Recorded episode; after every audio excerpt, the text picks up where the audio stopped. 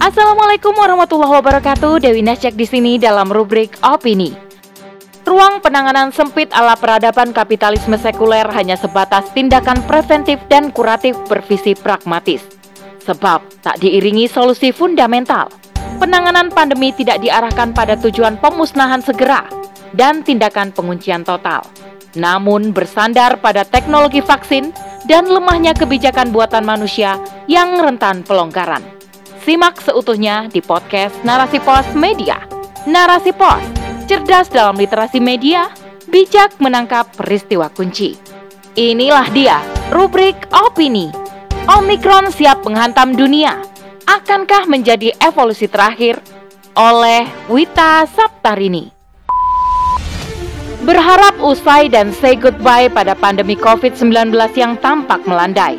Namun, kabar teranyar yang ramai diwartakan di berbagai platform digital seluruh dunia pandemi justru berpotensi memperpanjang mimpi buruk. Pasalnya, negara-negara di dunia kini mengambil tindakan ekstrim untuk menghentikan kedatangan varian baru asal Afrika Selatan. Penghuni dunia tak kasat mata ini terus saja bermutasi dan mengguncang dunia.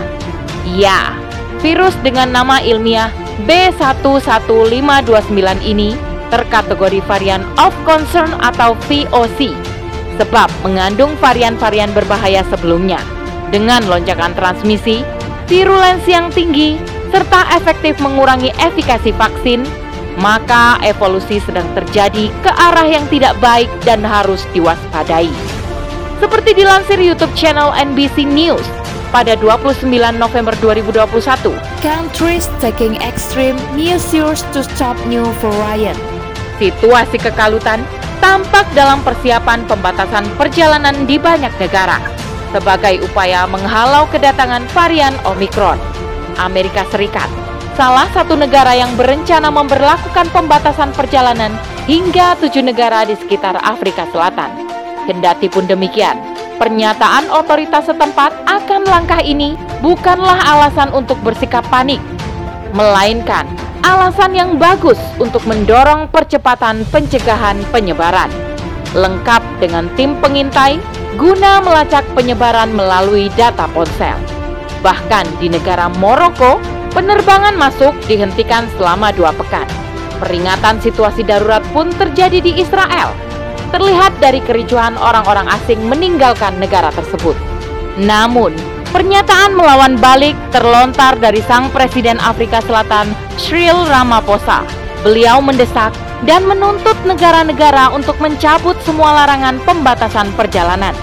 Menurutnya, hal ini menjadi bentuk ketidakadilan dan diskriminasi terhadap negaranya. Sebab, virus bersifat kosmoplit dapat hidup dan berkembang di seluruh dunia. Langkah ini pun akan berdampak pada iklim ekonomi negaranya. Saat ini, beberapa negara terkonfirmasi kasus persebaran varian Omikron, di antaranya Kanada, Australia, dan Denmark. Bahkan, daftar pertumbuhan sudah mencakup Hong Kong, Italia, Jerman, Inggris, Belgia, Israel, Botswana, Belanda, dan Republik Ceko. Kendati pun demikian, ekstrimnya upaya berbagai negara di belahan dunia menghentikan laju persebaran akankah menyolusi? Lalu, bagaimana dengan otoritas tanah air? Apakah akan terus menjadi follower? Turut mengambil langkah penanganan yang sama? Menilik pernyataan kekecewaan Cyril Ramaphosa lewat kacamata sistem yang menaunginya tidaklah sepenuhnya salah.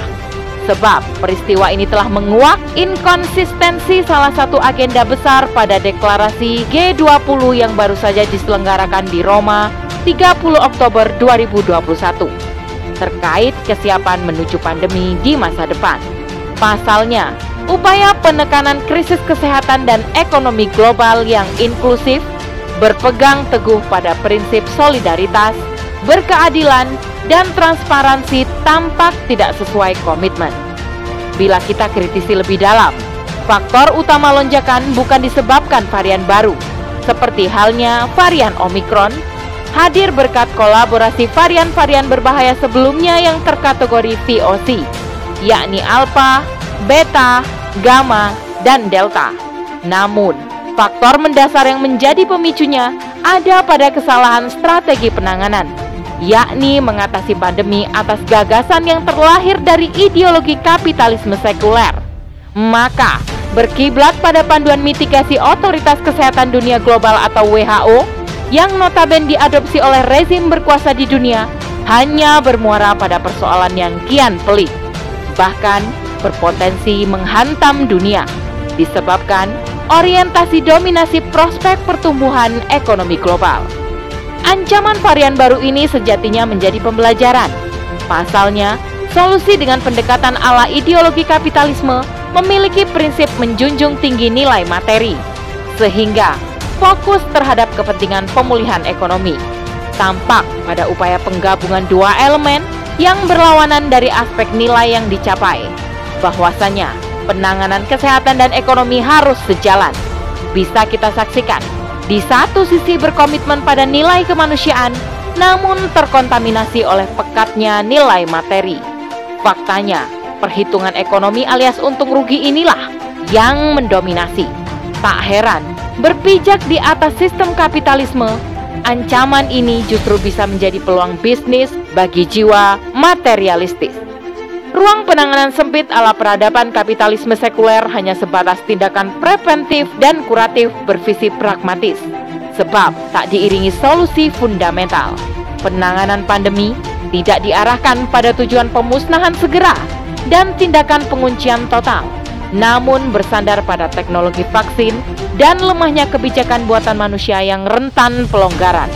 Masih hangat dalam ingatan Bagaimana mobilitas WNA yang mendapat fasilitas istimewa di tengah melonjaknya kasus dan ketatnya protokoler di tanah air. Pun, hingga kini pergerakan manusia antar negara terus berjalan. Alhasil, tongkat estafet epicentrum tak tampak mencapai garis finish. Celakanya justru menaikkan status virus.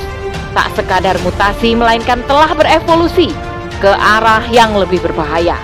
Itulah karakter penanganan peradaban kapitalisme sekuler yang terkesan tidak manusiawi, parsial, dan terbukti gagal. Ideologi Islam hadir dengan solusi fundamental dan menjaga kehidupan, sebab memiliki ruang penanganan luas atasi krisis multidimensi termasuk pandemi.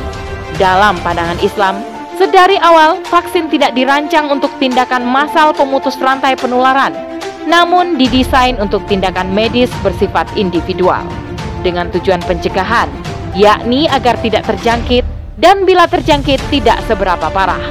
Meski perkara musibah ini adalah bagian dari kode Allah, di satu sisi kita ridho ketika menimpa kita, tapi di sisi lain Allah telah memberikan khasiat pada benda, naluri, serta jasmani. Maka di situlah terdapat ruang ikhtiar wujud iman kepada kodar. Maka Islam menangani wabah dengan segera, tanpa tapi dan tanpa nanti. Sebab Islam memiliki karakter yang khas dan manusiawi, terlihat dari prinsip kesigapan tindakan penanganan serta metode pelaksanaannya sesuai yang disyariatkan Allah Subhanahu wa taala.